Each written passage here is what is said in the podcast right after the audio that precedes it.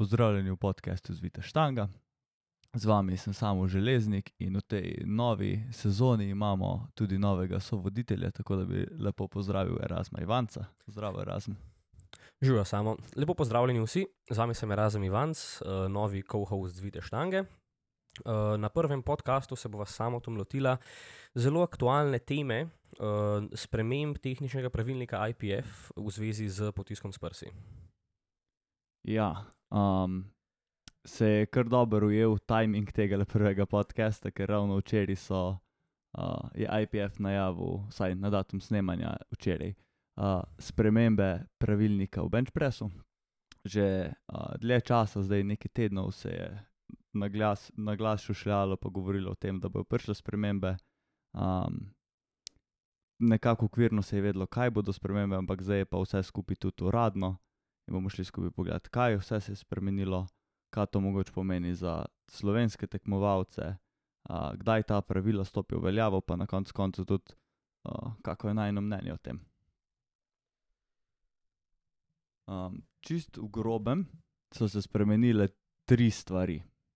Uh, setup z nogam na benču je zdaj prepovedan, se pravi, um, ti, ko se uh, pred benčom nastaviš na klopco, so določeni lifteri, da so dosegli večji arč, dal noge gor na klop, uh, se postavili močno na ramena in potem postavili noge nazaj na tla.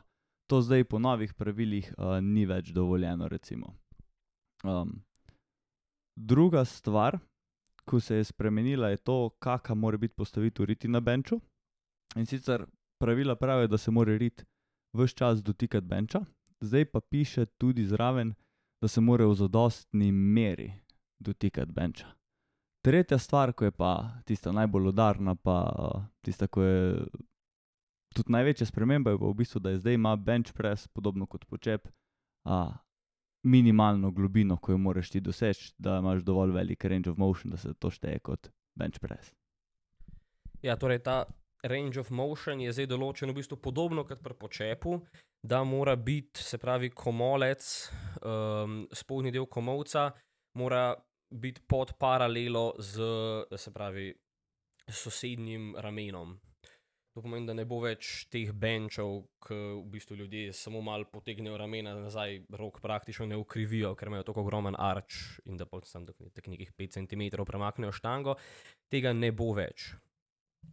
Um, zdaj, kar se tiče uh, tega pravila, setapa z nogami na benču, jaz mislim, da bo, kar se slovenske scene tiče, v bistvu imelo to največji vpliv. V Sloveniji ni zelo veliko benčerjev, ki bi imeli težavo s tem novim pravilom, da uh, se pravi, mora biti komovc pod ramenom v spodnji poziciji benča, jih pa sem videl na tekmah kar nekaj, ki se setapajo tako, da dajo noge gor na benč, kar zna vplivati na ljudi, ampak po drugi strani pa načeloma. Mislim, sem poskusil tudi jaz ta, ta setup, pa nisem ne vem, koliko pridobil od njega, tako da po mojem, da se bojo pač navadili dokaj hitro na to novo pravilo.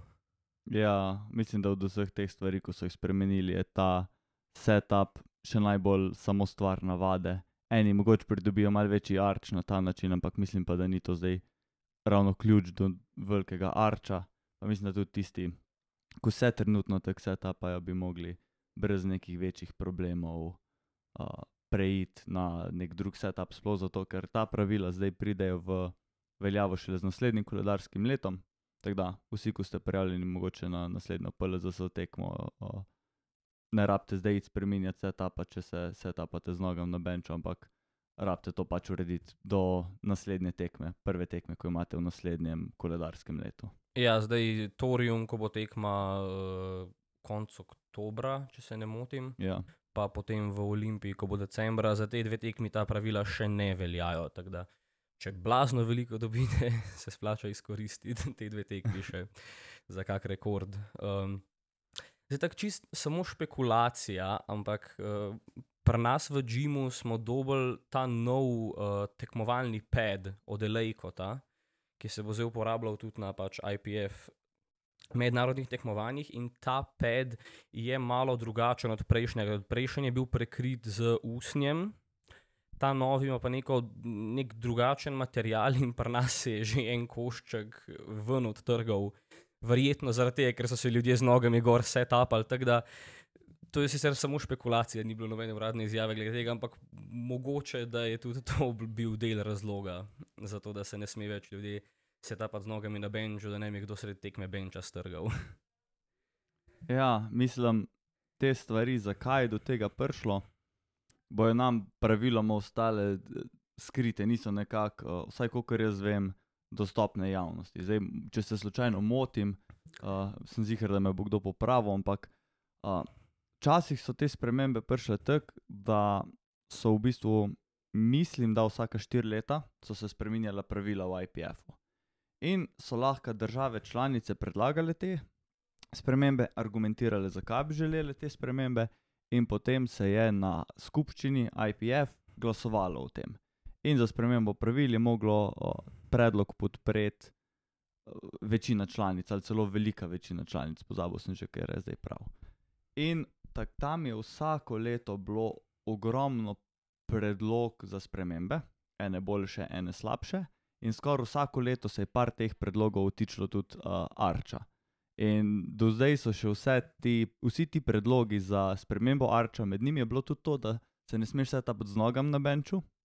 In do zdaj je vse v veliki meri padlo, uh, čez brez vsake podpore. Tako da mi je zanimivo. Uh, recimo, par let nazaj je bila pa ena IPF izredna seja med COVID-om, kjer so oni v bistvu posodobili celoten statut, pravilnik in ogromno stvari, da so padli v sklop. Um, da so v bistvu komplajali oziroma se uh, bili zadostni za vse pogoje, ki jih določa IOC oziroma olimpijski, Mednarodni olimpijski komitej, ker je tak cilj IPF-a, da bi bili priznani strani njih. In noter je bilo tudi par členov snike in na njih, da v bistvu bojo v teh stvarih zdaj glasovali znotraj IPF-a.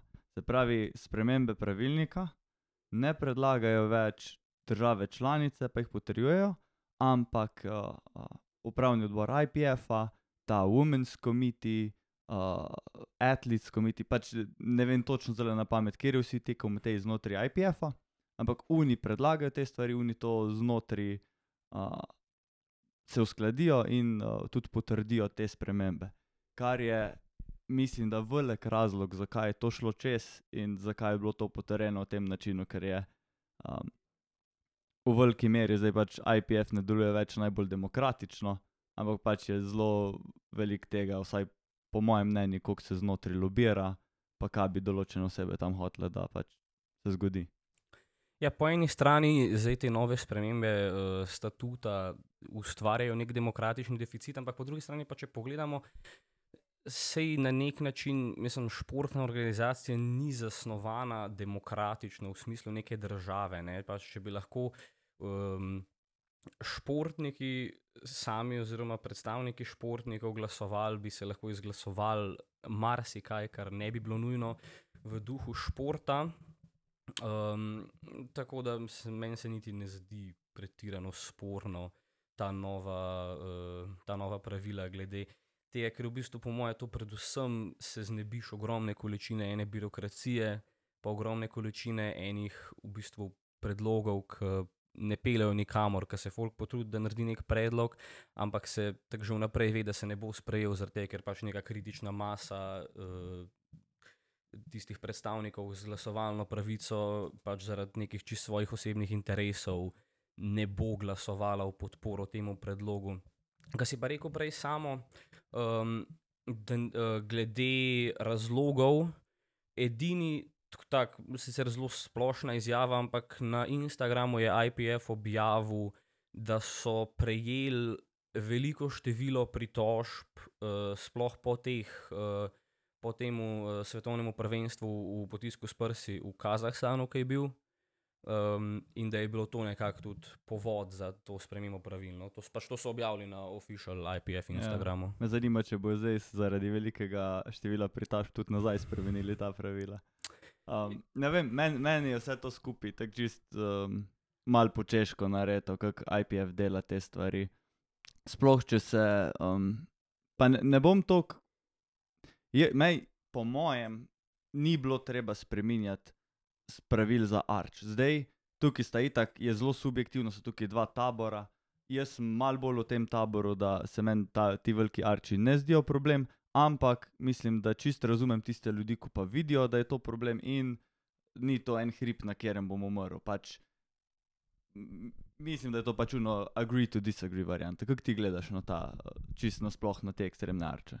Ja, zdaj, do, do zdaj, do te spremembe pravil, sem jaz čist preprost stens na tem arču. Pač, uh, znotraj pravil je bil dovoljen, lahko si benčal pač z 2-centimetrskim range of motionom. Tako da pač nimaš teh ljudi, kaj obsojati, izkoristili so neko naravno danost, ki jo imajo, da se pač lahko zelo zvijajo in zelo zmanjšajo svoj range of motion. Tako da nimam nič proti tem osebam, se mi pa zdi, da z vidika popularitete športa je, so takšni ekstremni benči izredno neatraktivni za gledalce.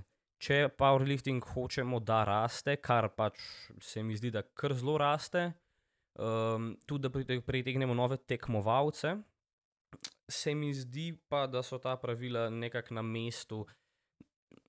Čisi iz tega vidika, da pač bench zgleda kot bench, da ne pride nekdo na tekmo, gleda benče, nekdo, ki je pač hodil v gim, gleda tam benče in vidi uh, človeka, ki benča z 2-centimetrskim range of motionom in vidi, da ja, se jaz nikoli ne bom mogel biti dober v benču, zato ker pač se ne morem toliko zviti.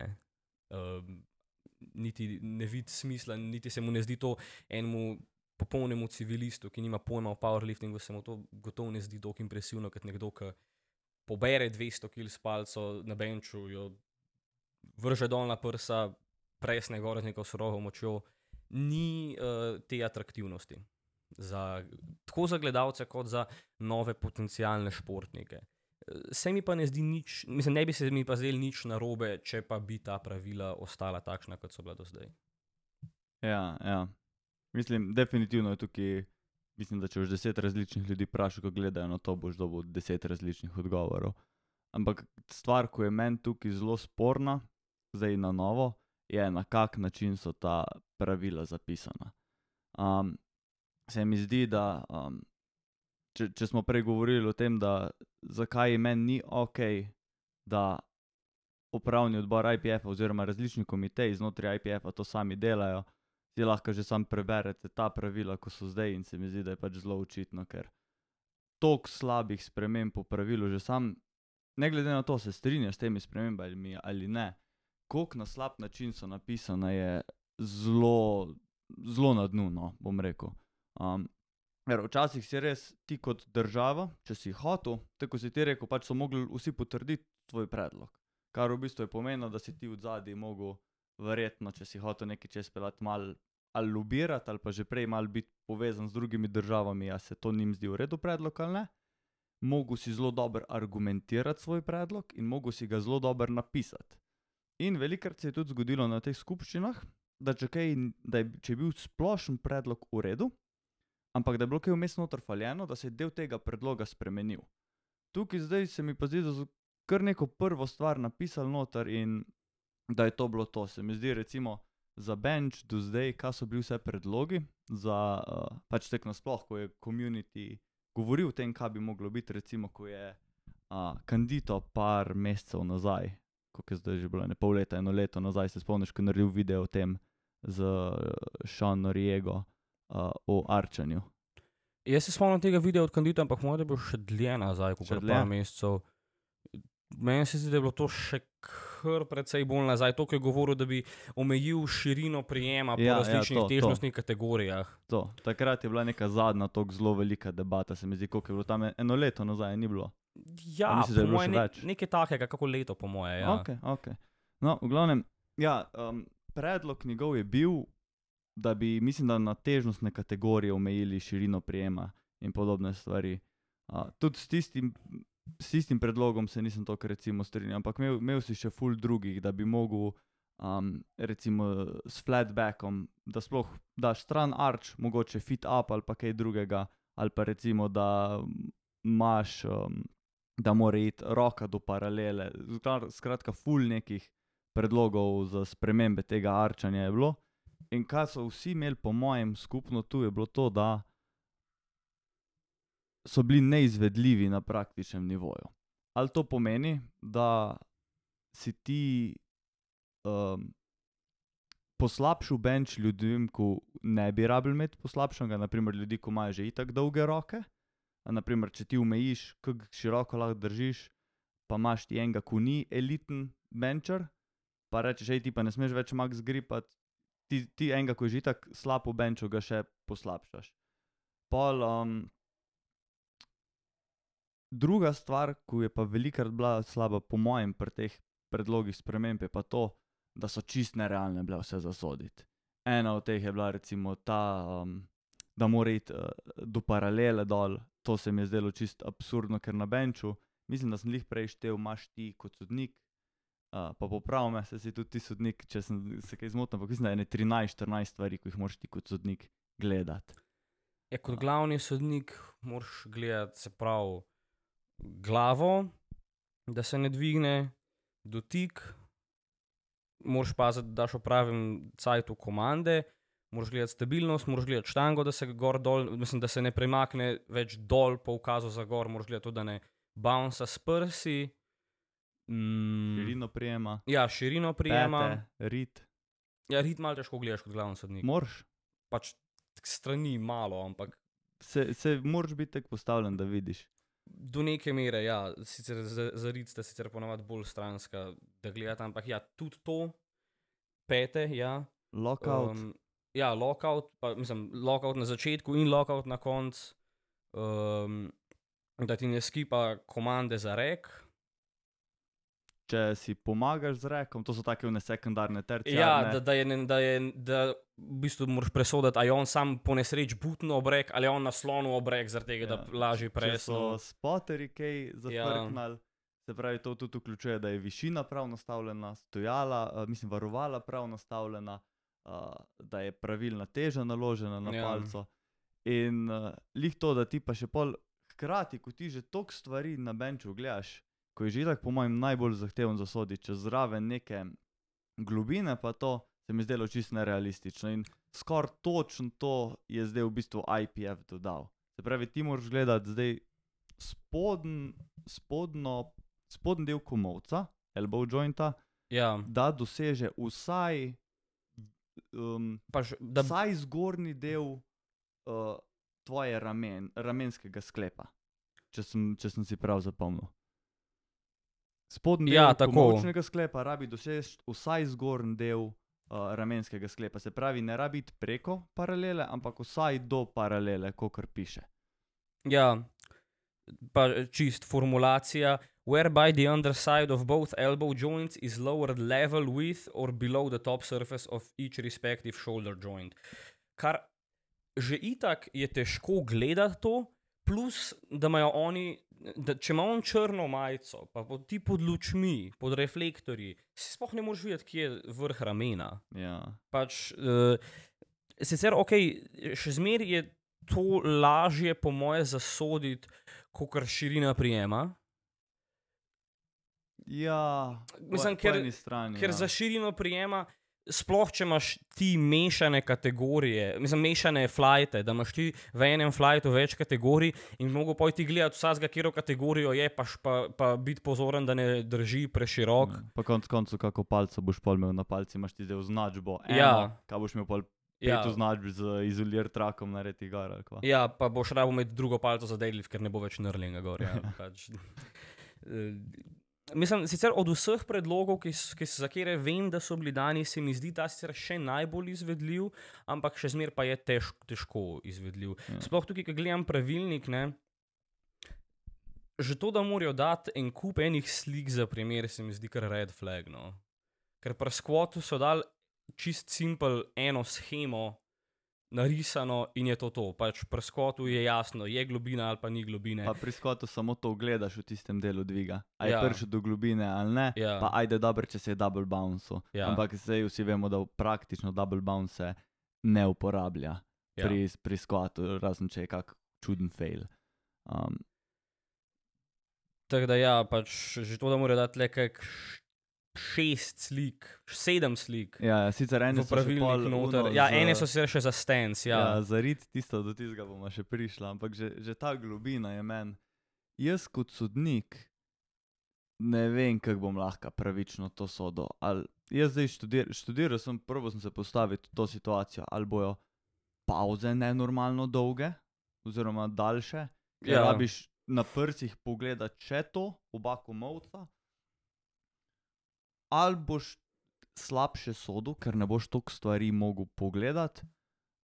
Res je, tu, a, dobro, tukaj je res, da že pri setupu boš približno videl, koga moraš paziti in koga ne. Ker realno s to spremembo ti res zelo malo ljudi, pa če se kar po domači izrazim, kaznuješ za bench. ja. Imamo kar par ekstremnih arčerjev, ko jih to pravilo ne bo nič kaj kaznovalo. Ja, jaz sem se malo pogovarjal z našimi iz Džima, pa recimo, sam za primerjavo, dva, ki sta pač uh, dobra v benču, pa ima en bistven. Izpostavih kar poimensko, da vemo. Aj, kar, no, Ja. to, mislim, to sem se z rokom se pogovarjal. Um, Ja, rok je eno takih, ko ima kar. Uh, on, arč. on ima neuradno najmanjši range of motion v PLZS. Aha, okay. Ja, A bo na njega to kaj vplivalo? ne bo. Bo pa vplival, tako vsaj kot mi je on rekel, na Jalšovca. Jalšovc ima večji range of motion, ampak ima enostavno drugačno geometrijo rok. In čist sam zaradi geometrije rok pride drugač v spodnjo pozicijo in bo mogel pač malo zmanjšati arč, oziroma nekako malo spremeniti tehniko. Ne. res, a veš, da tole me pa zanima. Grem zdaj na daj, ja, Instagram, daj, prav gledati njegov bench. Lahko greš gledat. Bom kar isto zadnjega bench državnega pogledal, evo še fajni kot je. Da vidim. Ker to pa skoraj ne morem verjeti, ker za štuhje si nikoli nisem mislil, da bi imel pa zdaj nek majhen range of motion ali pa. Ja, mislim, da ga, v zadnjem času ga je, po mojem, mislim, vsaj kar sem jaz gledal, se mi zdi, da ga je malo zmanjšal. Ok, evo. Ampak veš tako ful. tako Ne, dol- ne, to, tole je nadol. globina. Tole bi, Misliš, vsaj ne? po teh pravilih bi mogla to biti globina. Lej, zelo je podoben temu, le, če pogledamo sliko. Temu Pa čisto če, če bo prvemu, kdo sledil, ja, Kaj je ta- tak- ja, Kaj je glih, glih, do, glih lepo do Ja, dol, če ne. kdo sledi slučajno doma v IPF pravilniku, pri novih bench pravilih, prva slika. Se mi zdi, da je nekako do te meje prideš tu, tako da mislim, da on bo gut na tej točki. Lahko da bo glih, ja. Um, Ampak že, že to, so, sorry, dokončaj. ampak prvo. ja, pač, a ne, recimo, rok ima res uno, minimalen range of motion. Uh, pa pač je rekel, da, da naj ga ne bi afektirali to. Tako da pač eh, zgleda mi, da to ne reš kompletno range of motion problematike, ker je pač full odvisno od širine rok, pa tudi od razmerja dolžine nadlaht, podlaht. Ne. Ja, Je pa res, da je, pač, se je pa to isto preskvoto, ne, imaš ti kratke, dolge stegnenice, ne, ja pač zelo. z globino, ne, da um, pač imaš uh, kratko, da Ja, lažje, ja. lažje globino, pač hitre, ja, hitreje globino zadaneš, če imaš kratko stegnenico. Ja. Uh, pa misliš, da je bil, uh, nič slabega ne mislim s tem, ampak misliš, da je rok bil en od teh, ko bi mogel skrajšati rom, če že govorimo o tem, da je kratek rom nefer. Misliš, da je že on. Misliš, zdaljšati rom. Pardon, ja. Daljši trom, če govorimo o tem, da je kratek rom nefer. Misliš, da že on bi mogel spaditi v to skupino? Uh, mislim, smo ko- prej, ja, Mogoče za kontekst, prej ko smo govorili lih iz tega vidika, ko nekdo pride na tekmo, pa vidi, pa reče, e, to pa ni bench, to pa se ni, se ni dosti premaknil. Čisto za take, za popularizacijo športa, recimo. Ja, on se mi zdi sicer že kar mejen. ne. Um, še zmeraj ni un zero range of motion bench, ki ga vidimo, še zmeraj pride do tega, da on pač opazno ukrivi roke. ne. Meni se uno res problematični zdijo uni res najbolj ekstremni benči, ki folk dejansko komovca skoraj da ne ukrivi. Ki v bistvu se setapajo, pa, pa ko dobijo komando za dol, v bistvu več ali manj vse motion naredijo s tem, da samo mal, še malo bolj retraktajo rame. Ne. Uno se mi zdi res problematično. Pač rok ima full kratek range of motion, ampak tako no mejno, ne bi rekel, da je zdaj že. Da zgleda neatraktivno. Meni men je, men, men je zanimivo gledati njegov bench. En od takih, na kere bo to vplivalo, je recimo Eddie Berglund, ki je tudi pač in svetovni prvak v benchu in mislim, da tudi zdaj uh, uh, a je svetovni prvak v powerliftingu tudi ali evropski. Zdaj mi je šlo iz glave. Ampak on je res en od unih tipičnih uh, short-term bencherjev. In evo, sem tule za ugled, ker nam odprl njegov video. A vidiš, on niti ni tolk, mu ne manjka toliko do globine, če pogledaš. Glej zgornji del njegovega ramena, pa Ja. spodnji del komovca. On rabi mogoče centimeter večji rom samo narediti. In on je bil en Ja. od onih, ko so se vsi po internetu v bistvu pritožvali, da, da pač ni ok. In tudi na, na njega to ne bo močno vplivalo. Po mojem, da bo to predvsem vplivalo na ljudi, ko imajo ful kratke roke. Ker če imaš ti res kratke roke, um, sploh če imaš, uh, se pravi, kratko n- nadlaht, ne, boš ti v bistvu eh, z ful majhen kot v komovcu naredil, pa boš naredil relativno veliko pot. Ne. Kokor če, imaš, uh, kokor če imaš ti uh, dost krajšo podlaht kot uh, nadlaht. Ne. Pa veš, kaj mi je tudi tle v bistvu čudno? V pravilih govorijo v uh, spodnji del komovčnega sklepa, pa zgornji del um, ramenskega sklepa. Ampak po pa tukaj, ko vidiš, kaj je na sliki označeno, Ja, to niso iste stvari označene. Imaš sredino ramenskega sklepa ali mislijo zgornji del v, v, v, drugi, uh, v drugi ploski. A veš, kaj mislim? Ja, Ja, tu le in- meni zgleda, kot da je on rabu znižati roko, vsaj kar se tiče teh slik v pravilu, mi zgleda, kot da je rabu znižati roko prek polovice ramenskega sklepa. Ja. Ja. Zgornjega dela. Ali mislijo, da je to zgornji del, to pa sprednji del. ja Se dejansko pravi, pri tej, govorimo, govorimo v uh, trapezih, pa v sprednjih deltoidih v tem primeru. Se pravi, meni, ko govorimo o bench pressu, mi zgornji del ramenskega sklepa se mi sliši tako sprednji deltoidi.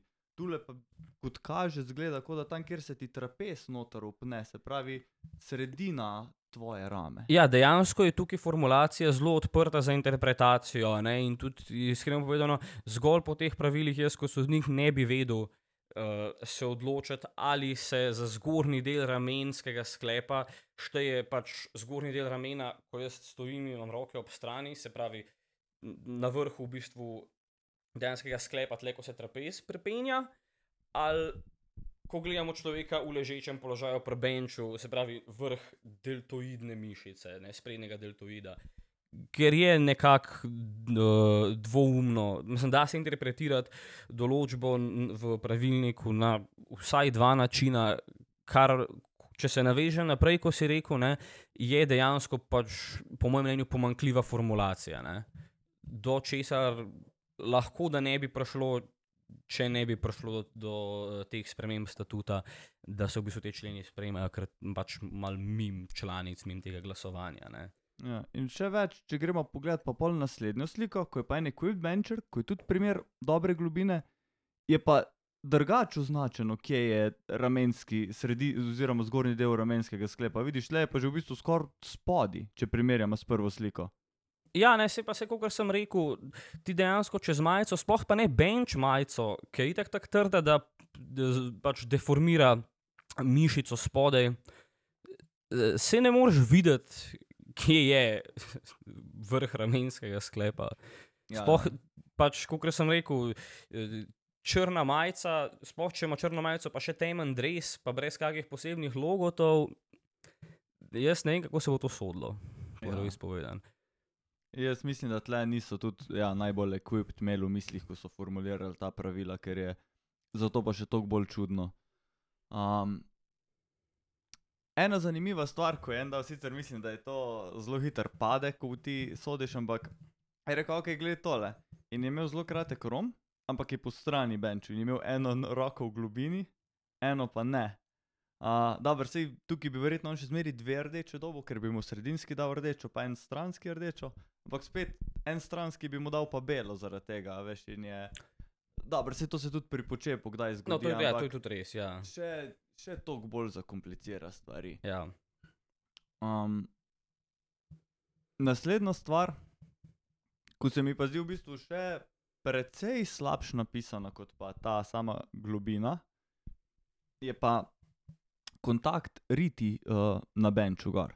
Uh, zdaj, če grem tule pogledat, piše, da, uh, pa bom kar po angliško prebral, Uh, Ja. The lifter must lie on his back with his head, shoulders, and buttocks. In pa oklepajo, the picture proper starting position and setup show the minimum acceptable, to je zdaj na novo dodano, in contact with the bench surface. Se pravi, ti moraš biti uh, na hrbtu, z glavo, rameni pa ritijo na, v kontakti z benču. In to je v prejšnjih pravilih pomenilo, da se mora tvoj glut dotikati benča. Zdaj so pa zraven dotakna, dodali, da pravilna začetna pozicija, pa setup, pokaže najmanj, koliko riti more biti v stiku z benčem. In to je vse, kar je napisano, in spodaj imaš dve slike. Eno sliko, kjer ima ženska pač rit na benču, tako je pač ima vsak, ko benča, brez velikega arča. Pol imaš pa sliko not good, kjer je ena lifterka, ki stoji zelo široko, ampak se ne vidi, koliko rit ima v kontaktu z benčem.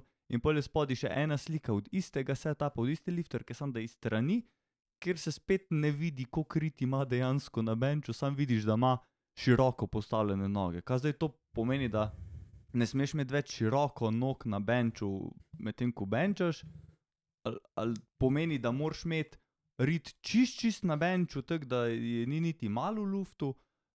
To je pa tista stvar, ko se mi zdi, da je pa še toliko bolj čudno napisano, da mi res ni jasno, kako soditi in kaj se bo tukaj sploh naredilo. Ker recimo to, to bi pa znalo vplivati na full slovenskih lifterjev, sploh zato, ker je taki, ne veš, kako interpretirati to. Ja, tu se strinjam, da je spet pač nomotehnično obupna formulacija, oziroma sploh ni formulacije. Oni nam samo dajo sliko za primer, kar je, mislim, meni se zdi to nesprejemljivo, po pravici povedan. Popolnoma nestrokovno in pač, če IPF rab uh, nomotehnično pomoč, naj se pač obrnejo na uh, profesionalne pravnike, ker zgleda, da pač niso zmožni formulirati dejanskega besednega pravila, kolikšen del, oziroma na kakšen način. Ker se meni se tukaj ne zdi, da bi se, da bi se šlo za neki procentualen del riti, ki mora biti v stiku z benčom, ampak da hočejo oni sam odpraviti to, te ekstra širok stance benče. Kar ok, sej, se strinjam, da zgledajo ridiculous, tako kot runizira v rom benči, ampak ni to način, da to odpraviš, da, pač, sa- da, da daš dve sliki, ena je ok, ena pa ni. Ker polne, kaj, polne se pač sodniki špilamo tisto, ko imaš dve slikci v slikanici, pa moraš iskati razlike ali kaj, mislim. Če bi mogel jaz tukaj interpretirati, se mi zdi, da pač um, se gre predvsem za to, da je ta, spoh ne vem, kako se temu anatomsko reče, zgornji del riti v stiku, da ni ono, da bi imel ti noge na razen in bi se sam ta del riti, ki je že praktično uh, v mednožju stikal z benčom, Ja. ostali del riti bil pač, pač po, zavihan pod, pač navzgor pod hrbet, ne? da se v bistvu praktično dotika z mednožjem benča. Ampak spet to ni formulirano, tako da uh, pač bi se morali boljše formulirati, ali pa se mora vzpostaviti neko telo, ki vzpostavi precedens za sojenje v tem primeru. Ne? Ker tudi, ko imaš ti pač čistek na, na državni ravni nek zakon spisan, ki je na do, določeni meri odprt, se mora vzpostaviti nek precedens iz neke avtoritete. Ker pač, če bo pa zdaj vsak lokalen sodnik z narejenim sodniškim izpitom to po svoje interpretiral, bo to pripeljalo do ogromne nekonsistentnosti pri sojenju. Ja. Uh, pa že to, recimo, ali to pomeni, da se setapati ne smeš tako in ko dobiš ti start komando, lahko rit nazaj daš v to uh, sketchy pozicijo, ali boš dobil za to rumene luči, kje je zdaj meja, kaj je dvignjena rit iz benča in kaj ne.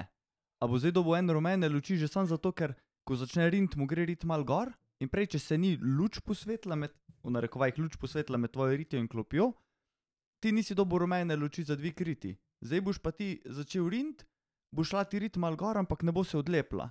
In ne boš v tej poziciji, ko je tu na sliki, ne boš več v isti svoji startni poziciji, ne boš pa še dvignil riti. Kaj, a boš zdaj dobil rumeno luč, ker nisi imel riti dost na benču, ali bo je to pa kar zamižal na eno učko, a veš kaj mislim. Ker pa je takoj en loophole, da ko dobiš ti start komando, spuščaš in medtem ko spuščaš, ti že dviguješ rit, ko prideš ti do konca dol, si ti že zmanjšal rom, zato ker si rit dvignil to, ko bi jo drugače imel dvignjeno. Ne? Jaz sem pa, pa se niti ne rabiš tekom dviga spuščati, zdaj ti lahko dobiš start komando, rit postaviš v položaju, kjer mu jo hočeš. Načeloma tudi, um, kako je aj, drsenje stopal po tleh. Ni, Je dovoljeno. je dovoljeno. Ja. Ja. Torej, realno bi lahko se ta ženska, ki jo vidimo tukaj na drugi sliki, ne, ko ima ta ekstremno white stance, ona bi lahko pač se setapala kot normalen človek, počakala na start komando, zaslajdala noge na ven in zasukala rit ja. Ja. po tej formulaciji. Ja. Tako da, če Mislim- kdo ve, kak je ime, lahko napiše to na Instagram, če rabi loophole.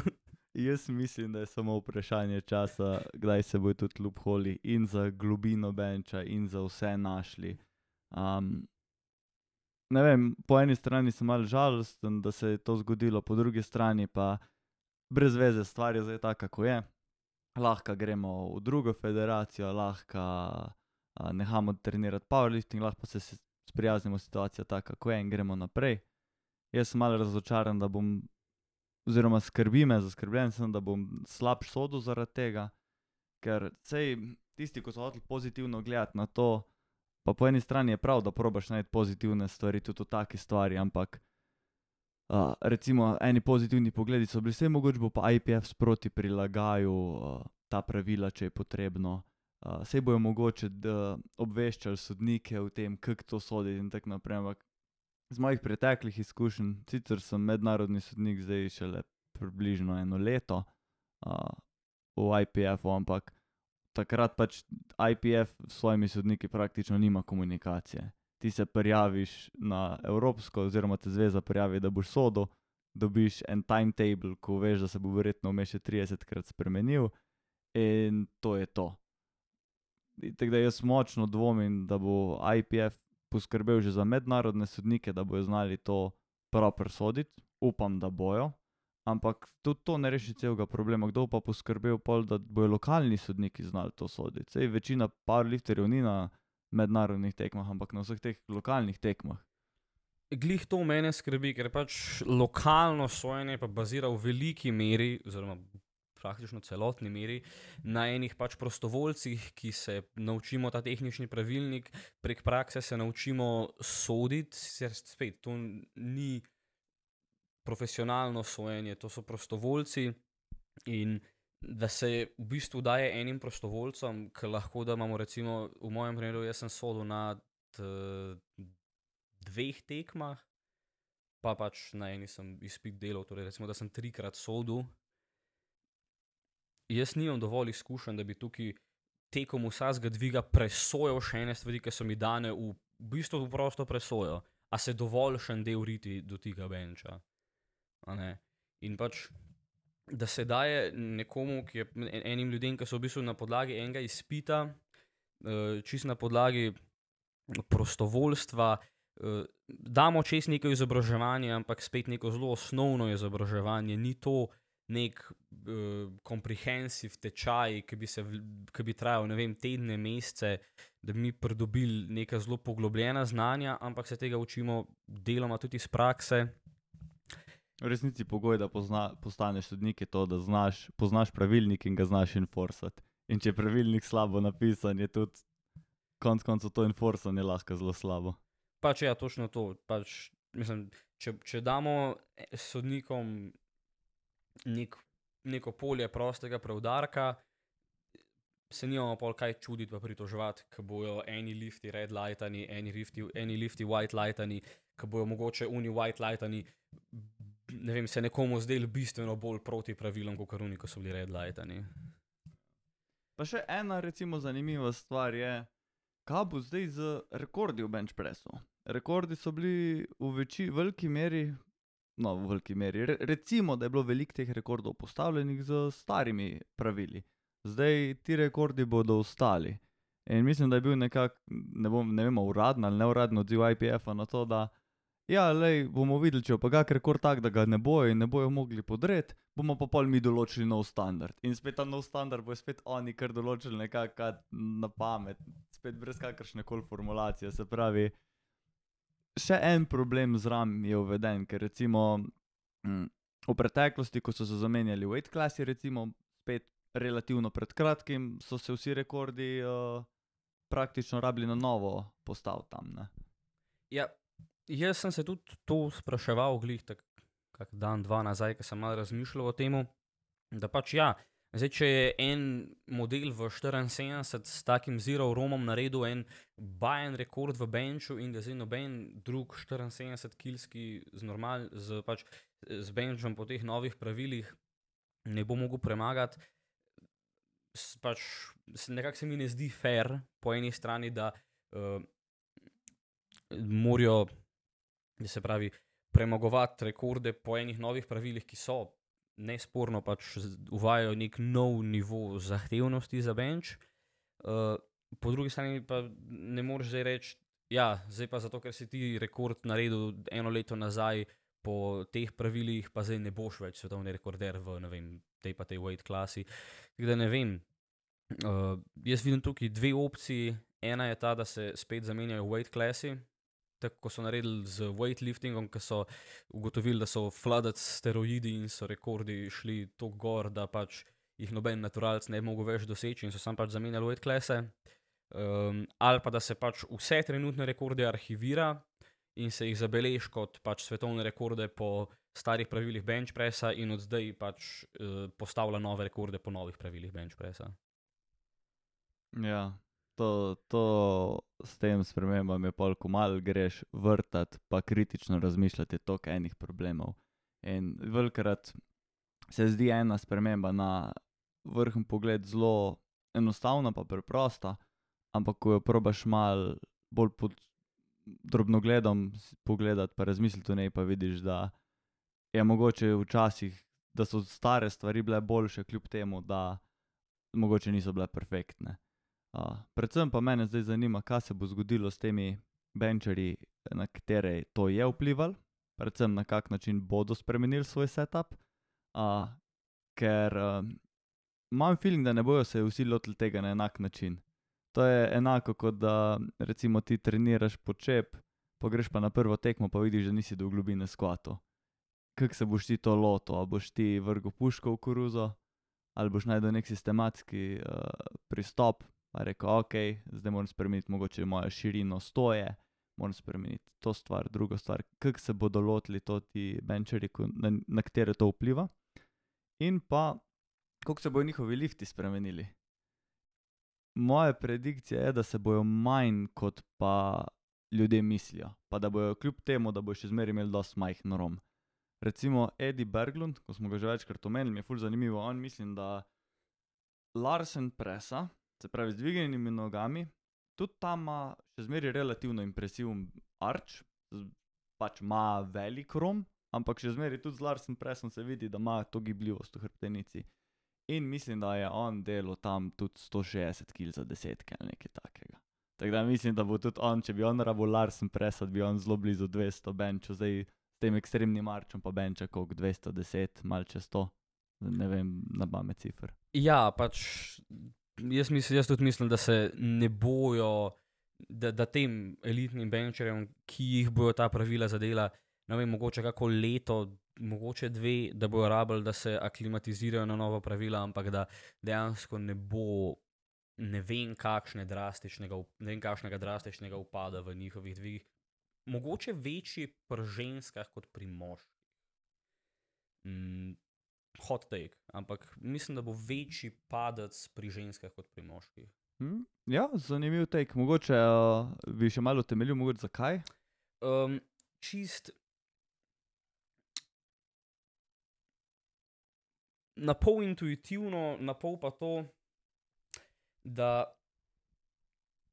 bi rekel, da na žensko bolj vpliva zaradi, uh, se pravi, manjše konstitucije, um, da ženska več pridobi z zmanjšanjem range of motiona kot moški. Okay. da sem tudi videl um, večje razlike pri um, ženskah z temi zero rom benči, ki so šle delati večji rom, pa, mož, pa pri moških. Ok, cool. Očitno je samo en način, kako bomo videli, počakati do naslednjega IPF svetovnega prvenstva ali pa Ja. bench svetovnega prvenstva, pa bomo videli, kje so ti ljudje, ki so bili letos na vrhu, kje bojo naslednje leto. Ne? Ja, bomo videli. Ok, mislim, da je to tudi ena dobra točka, kjer lahko ta podcast zaključiva. Ja, tako. Um, zagotovo bomo o tej temi še kdaj razpravljali v prihodnosti, sploh ko se bodo pričele te tekme, ko bo stopila ta pravila v veljavo. A, se vidimo v naslednji epizodi, do takrat se vam pa zahvaljujem za posluh in